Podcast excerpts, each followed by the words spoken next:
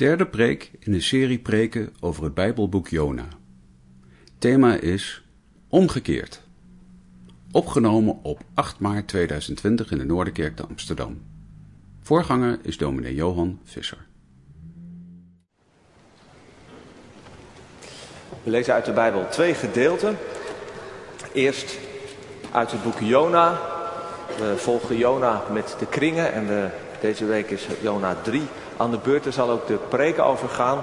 En daarna lezen we uh, in verband met het, uh, met het project, zal Jonathan met ons uh, uit het evangelie van Matthäus lezen. Maar eerst nu Jona 3.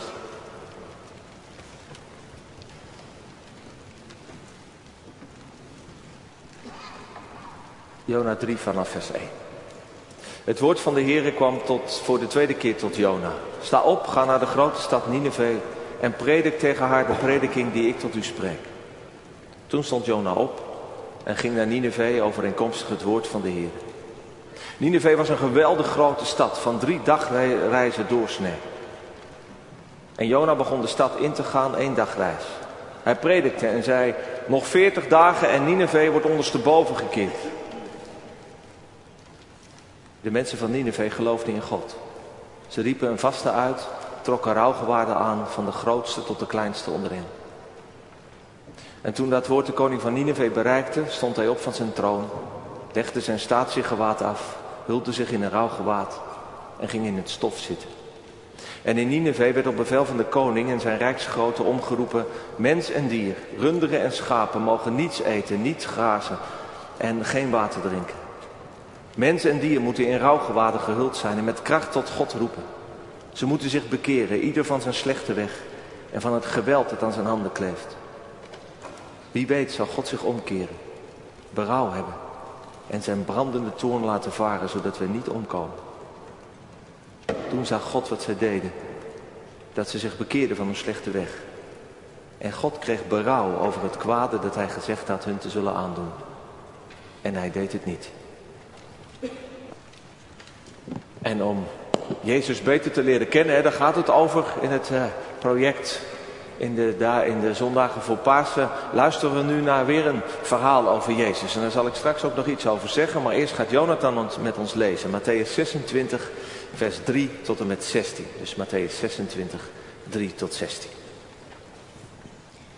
Toen kwamen de overpriesters en de schriftgeleerden en de oudsten van het volk bijeen in het paleis van de hoge priester, die Caiaphas heette. En zij overlegden met elkaar om Jezus met list te grijpen en te doden. Zij zeiden echter, niet tijdens het feest, opdat er geen opschudding onder het volk komt. Toen Jezus in Betanië was, in het huis van Simon de Melaatse, kwam er een vrouw naar hem toe die een albasten fles met zeer kostbare zalf had. En zij goot die uit op zijn hoofd terwijl hij aanlag. Toen zijn discipelen dat zagen, waren zij verontwaardigd en zeiden... Waartoe deze verkwisting? Deze zalf had immers duur verkocht kunnen worden en de opbrengst aan de armen gegeven. Maar Jezus, die dit merkte, zei tegen hen... Waarom valt u deze vrouw lastig, want zij heeft een goed werk aan mij verricht. De armen hebt u immers altijd bij u, maar mij hebt u niet altijd. Want toen zij deze zalf op mijn lichaam goot, deed zij dat als voorbereiding op mijn begrafenis. Voorwaar, ik zeg u, overal waar dit evangelie gepredikt zal worden in heel de wereld, zal ook tot haar gedachtenis gesproken worden over wat zij gedaan heeft. Toen ging een van de twaalf, die Judas Iscariot heette, naar de overpriesters en zei...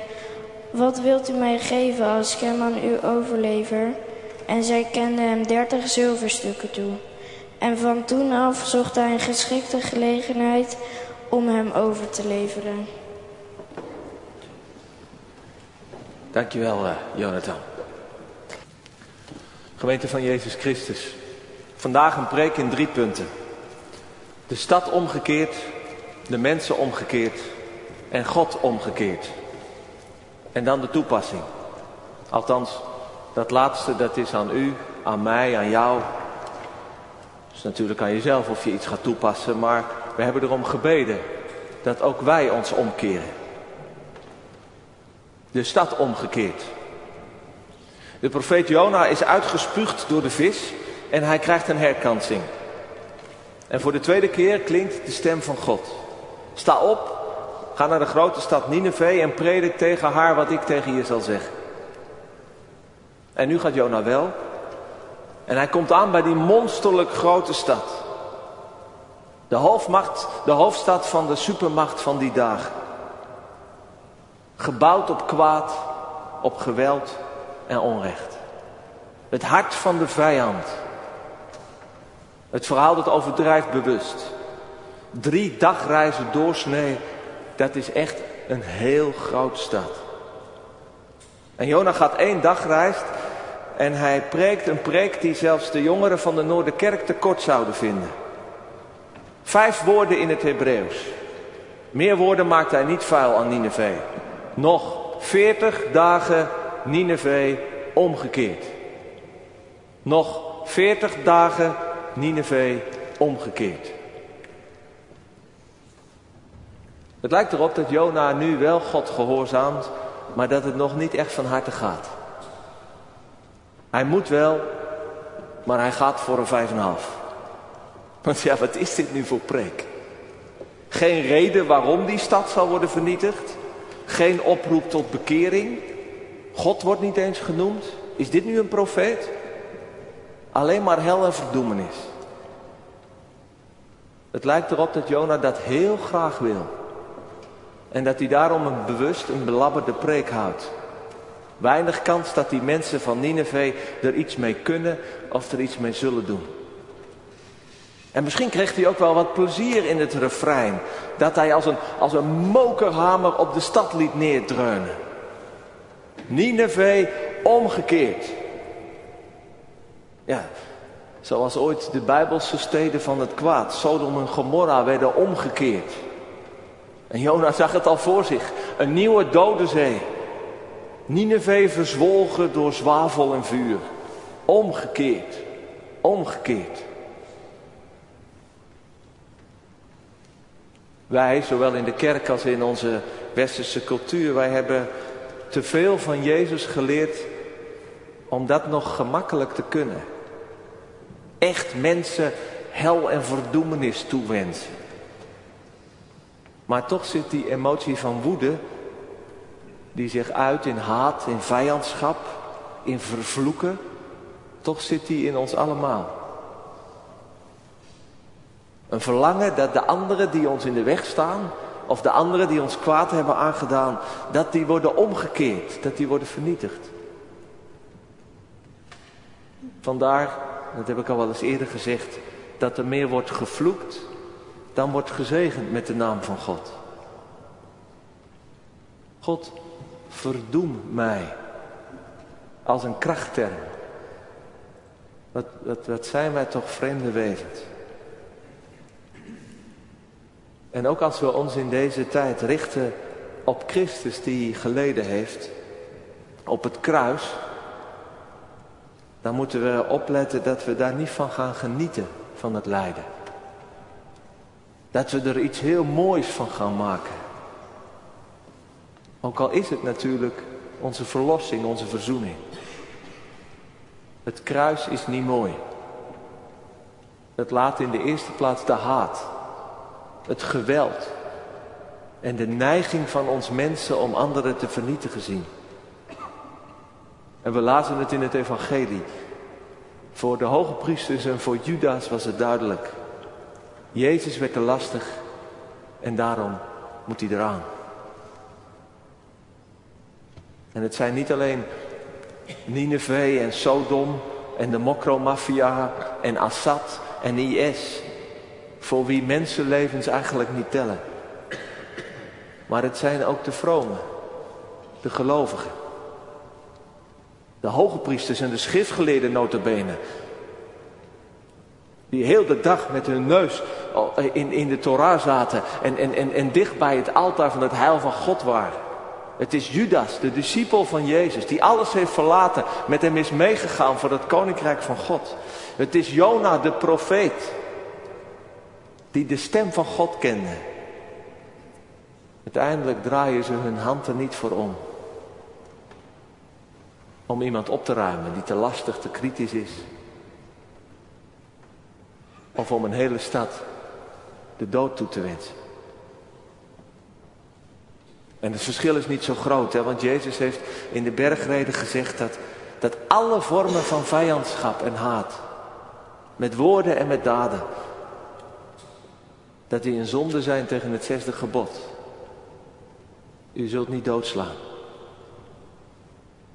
En de onverschilligheid over het lot van de anderen, of dat je je verlekkert in de ondergang van je vijanden, dat valt daar natuurlijk ook onder. Maar dat is niet de weg die wij mogen gaan. Ik vind Amsterdam geen lieve stad. Ik heb me altijd verbaasd waarom oud-burgemeester Eberhard van der Laan dat zei. Dat hij deze stad een lieve stad noemde. Ik vind de sfeer best hard en er is genoeg kwaad. En daar maak ik ook deel van uit, van die sfeer en ook van het kwaad. Maar als buitenstaanders, dan gebeurt nog wel eens, mensen van buiten, dat die dan op, op de stad gaan afgeven dat dit zo'n vreselijk Sodom is. En, en, en ja, dan, eh, dan, dan neem ik het voor, eh, voor Amsterdam op. Ook voor alles wat niet lief is. Ook met alles wat los en leeg van God is. Net als onze vader in het geloof, Abraham. Zal ik blijven bidden dat deze stad wordt gered. En dat de mensen zich omkeren. En dan zijn we bij het tweede punt, de mensen omgekeerd. Jona preekt één dag en dan houdt hij ermee op. Hij is dus toch maar op een derde van de stad gekomen. Nou, nu is het wel genoeg hè, voor een vijf en een halfje bij God. Of het zou kunnen zijn dat hij na één dag al kan stoppen. Omdat zijn bewust veel te korte preek zonder oproep tot bekering, zonder God, dat hij toch inslaat als een bom. Dat misschien juist die mensen zijn geschrokken door de, door, door de hardheid ervan. Door die vijf woorden die over door de stad heen gaan. De mensen geloven in God, zegt het verhaal. Jona heeft niks uitgelegd of gezegd, maar toch geloven ze. Ja, dat gebeurt omdat God altijd nog zijn eigen manier heeft om met mensen contact te maken. Ook vandaag. Heeft hij echt niet per se profeten of de kerk voor nodig. En het is niet alleen dat die mensen geloven, maar ze brengen hun geloof ook in de praktijk. Ze bekeren zich. Ze keren zich om. Eerst het volk dat Jona heeft gehoord en gezien. Ze leggen het leven stil met een vaste. Geen eten, geen drinken, geen werken meer. Alle gewone kleding in de kast. En iedereen in een rouwgewaad. Iedereen hetzelfde. En als de koning hiervan hoort, blijft hij niet op zijn troon zitten. En dat is verrassend, want dat gebeurt natuurlijk vaak wel zo. Dat de mensen met eer en met gezag en met macht en rijkdom, dat die zich niet echt druk maken over de angst en de paniek onder het gewone volk. Zij zullen er wel voor zorgen dat het hen niet treft. En zoals je dat nog wel eens hoort, dat een laffe dictator met een paar koffers vol geld en goud er tussenuit probeert te glippen als zijn regime ineens stort. Of zoals er sommige rijken zijn op deze wereld die complete schuilkelders aan laten leggen om een dreigende wereldwijde ramp te over overleven. Maar deze koning, dat is een echte koning. Die zich één maakt met zijn volk. Ook hij op de grond in Zakkenas. En met zijn crisisteam geeft hij een duidelijke richtlijn voor de hele stad. Wat ze moeten doen in deze crisis. Iedereen, mens en dier. Niks eten, niks drinken. Allemaal in Zakkenas. En met alles wat in je is roepen tot God. En je omkeren, je bekeren van je slechte weg. Dus van waar je in je, in je leven verkeerd bezig bent. En het geweld uit je handen laten vallen. Want wie weet zal God zich omkeren. En zijn brandende toorn laten gaan en de stad niet vernietigen. Het is grappig dat de crisiscommunicatie van de koning dat hij die preek van Jona perfect aanvult. Want de koning die geeft wel een reden van het oordeel. Een verkeerde levensweg. Geweld aan je handen. En hij wijst ook een weg van omkeer. Ze kunnen nog iets gaan doen. Vasten, roepen. En hij betrekt God er helemaal bij. En dan zien we dat de stad wordt omgekeerd. Dat de stad op zijn kop gaat. Maar niet zoals Jona of wij zouden hebben gedacht.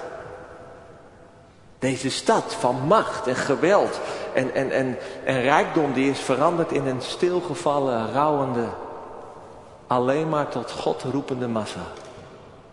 Koning en slaaf, priester en poetsvrouw, Assyriër en vreemdeling.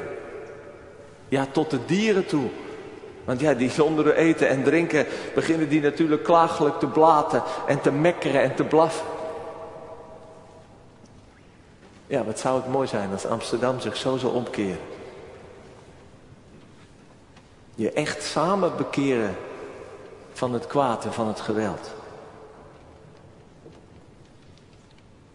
Niet naar zondebokken zoeken, want dat is vaak wat er gebeurt als er een crisis komt. Als het spannend wordt, als er dingen fout gaan, dan moet er met de vinger worden gewezen wie zijn het. De rijken, de Marokkanen, de moslims, de joden, rechts, links, de homo's, de millennials, de boomers. Nee, wij allemaal. Wij samen, want we zijn veel meer verbonden dan we denken. En we zijn veel meer medeplichtig aan het geweld en het onrecht dan we vaak willen. Van de week kwam er een berichtje langs van de Oeigoeren. Zo'n totaal onbekende, althans redelijk onbekende bevolkingsgroep in China. Die, moeten, die hun uh, moslimgeloof uh, moeten af gaan zweren en die in allerlei kampen zitten. Maar die worden ook ingezet als slaven in allerlei fabrieken, goedkope werkkrachten. En wat wordt er gemaakt in die fabrieken? U raadt het al. Spullen die hier in onze handen komen.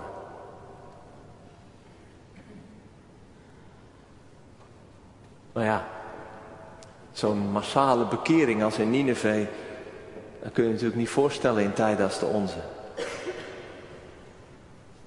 Dat je, dat je echt stilvalt. Dat je, dat je berouw krijgt.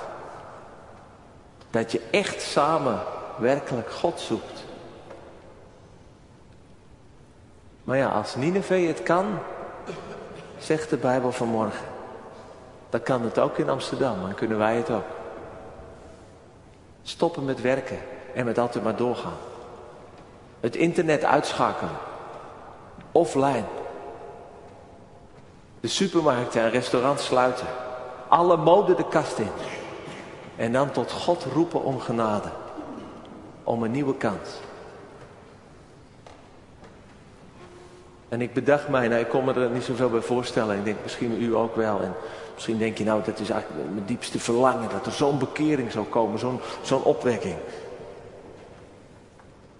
Ja, wat er voor nodig is natuurlijk, is dat we geconfronteerd worden met ons kwaad. Met waar het mis zit. We hebben profeten nodig die, ook al zijn ze net als Jona, verre van perfect, die de lastige waarheid durven zeggen. Die ook tegen, want zo, zo staat het aan het begin, en je moet prediken tegen de stad. Die tegen het kwaad van de stad, van de samenleving durven spreken dat het op deze manier misloopt. En dat het anders, anders moet. En dat is natuurlijk best lastig. Op de kringinstructie deze week hadden we het erover. We, ja, wij, wij gaan eerder uit van een positieve boodschap. Evangelie, ja, dit is toch ook zo. We leven na, na Jezus. Die de zonde heeft gedragen. Hebben we niet eerder een boodschap van hoop?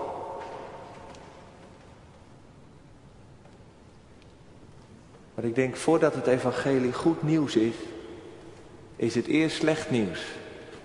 En dat is na het kruis niet verdwenen. Het slechte nieuws dat het niet meevalt met mij. Met jou. En als je denkt dat het wel meevalt, dan zou je het voorstel van de schrijver C.S. Lewis kunnen opvolgen. Probeer dan eens serieus, echt serieus. Dus niet even een paar dagen, maar hij zegt zes weken lang bijvoorbeeld. Probeer eens serieus, werkelijk goed te doen. Te leven op de manier zoals Christus van ons vraagt. Hij zegt, dan zul je altijd leren hoe slecht je bent. En daarom is het soms nodig en goed. Ook als al is geloven niet op angst gebaseerd. Ook niet op angst voor God. Dat je soms even stevig wordt geconfronteerd. Met waar je nu helemaal mee bezig bent in je leven. Dat er even iets van schrik in je leven komt. En je denkt, oh maar als ik, als ik nu zo doorga. Dan gaat het mis. Want dat kan je leven openbreken. En dit verhaal dat we vanmorgen hebben gelezen, wat we op de kringen bespreken, dat is een spiegel om in te kijken. Het is de spiegel van de heidenen van Nineveh voor de gelovigen, voor Jeruzalem. Kijk eens wat die heidenste poel van verderf doet. En jullie? En jij? Ja, wij willen allemaal verandering. En, en, en soms willen we ook nog wel zelf veranderen. Maar dat blijft vaak zo halfslachtig. Zoveel eigenlijk en het dringt niet echt door. En we gaan toch maar verder. En dan is iets van Nineveh. Van berouw. Van echt willen breken. Van, van de pijn voelen. Over wat je hebt gedaan. En van een afkeer krijgen van je oude leven. Is nodig om echt te kunnen omkeren. Net als God. En dan zijn we bij het derde punt. God omgekeerd. Die koning van Nineveh die had bij zijn opdracht tot vasten en boetedoening had hij gezegd, wie weet zal God zich omkeren. Zich bekeren. En zal hij berouw hebben over het kwaad dat hij zegt ons te zullen aandoen. Het klonk een beetje als een bange vraag. Maar er zat ook iets van geloof in. En dit geloof in God wordt nooit beschouwd. Want als God ziet dat Nineveh berouw heeft. En dat ze zich bekeren van hun kwaad. Doet hij het ook. Hij krijgt berouw over het oordeel dat hij over 40 dagen zou voltrekken.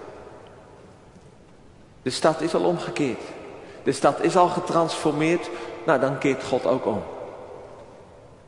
De mensen krijgen berouw. Dan krijgt God ook berouw.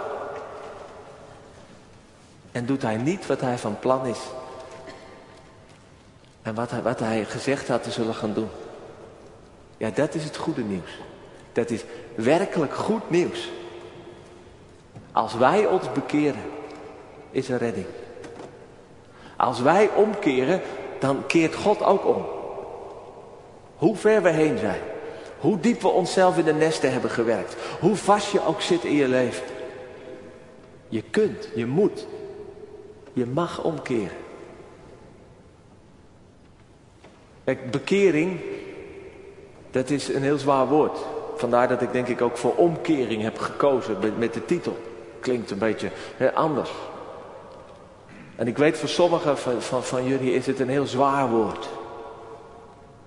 Het heeft te maken met uitverkiezing en je wachten en passief word je nog een keer bekeerd. Of het is een heel negatief en angstig woord. Dat er altijd een soort het vingertje is van je bent niet goed en je moet het. Maar in het Bijbelse ABC is bekering een woord van vrijheid. Van ruimte. Is het eigenlijk een deur waardoor je het leven in kan gaan. En dat zien we hier. Als je breekt met je verleden. Als je oprecht kapt met het kwaad. Dan is er leven. Dan is er genade. Want het is God menens. Met u, met jou. Hij wil dat we leven. En hij wil niet dat mensen verloren gaan. Dat ze door kwaad en egoïsme hun leven vergooien en verliezen. En of dat nu het kwaad is van de crimineel met, met, met, met een pistool. Of dat het het kwaad is van een leven in een ondraaglijke leegte en lichtheid. Waar je alleen maar voor je, voor je eigen pleziertjes leeft. Of, je, of het het kwaad is waarin je voluit kiest voor jezelf en je kan je verder niks aantrekken van anderen en van God. Of het is het kwaad met eeuwig je schamen en eigenlijk. En hij wil het niet. En daarvoor is hij bereid om ver te gaan. Heel ver. Hij is bereid om zelf berouw te krijgen. En om zich om te keren van een terecht oordeel. Van terechte woede over wat er mis is in deze wereld en in jouw leven. En het teken dat het God menens is. Met ons leven, met onze bekering, dat is het kruis. Dat is het teken van Gods berouw en Gods omkering. Nog dieper en nog verder dan Nineveh. Want aan het kruis keerde God het kwaad. Dat Jood en Heiden. Dat vrome en goddeloze mens hem niet wilde. Keerde hij om. Want dat is misschien wel het basiskwaad. Hè? Dat wij God veel te irritant vinden. Veel te dicht op de huid vinden komen. Dat hij ons niet met rust laat. Dat hij wil dat we echt leven. En daarom als het tot, tot een echte ontmoeting komt tussen God en mens, zoals in Jezus, dan moet hij eruit en dan moet hij eraan. Maar hij accepteerde onze afkeer niet. En hij droeg het met goddelijke pijn, goddelijk berouw aan het kruis. En zo keerde hij ons kwaad om tot een nieuwe kans. Een uitnodiging aan ons. Ik heb me al omgekeerd. Ik heb al het berouw over het kwaad wat jullie verdienen, wat ik jullie zou willen aandoen. En ik keer me om van het kwaad dat, dat als een boemerang terug in jullie gezicht zou moeten komen. Ja, zou jij, zou ik, zou u het dan ook niet doen? Omkeren. En me aan mij overgeven. Met berouw. Zoals de mensen van Nineveh. En met liefde. Zoals die vrouw met haar kostbare zalf. Amen.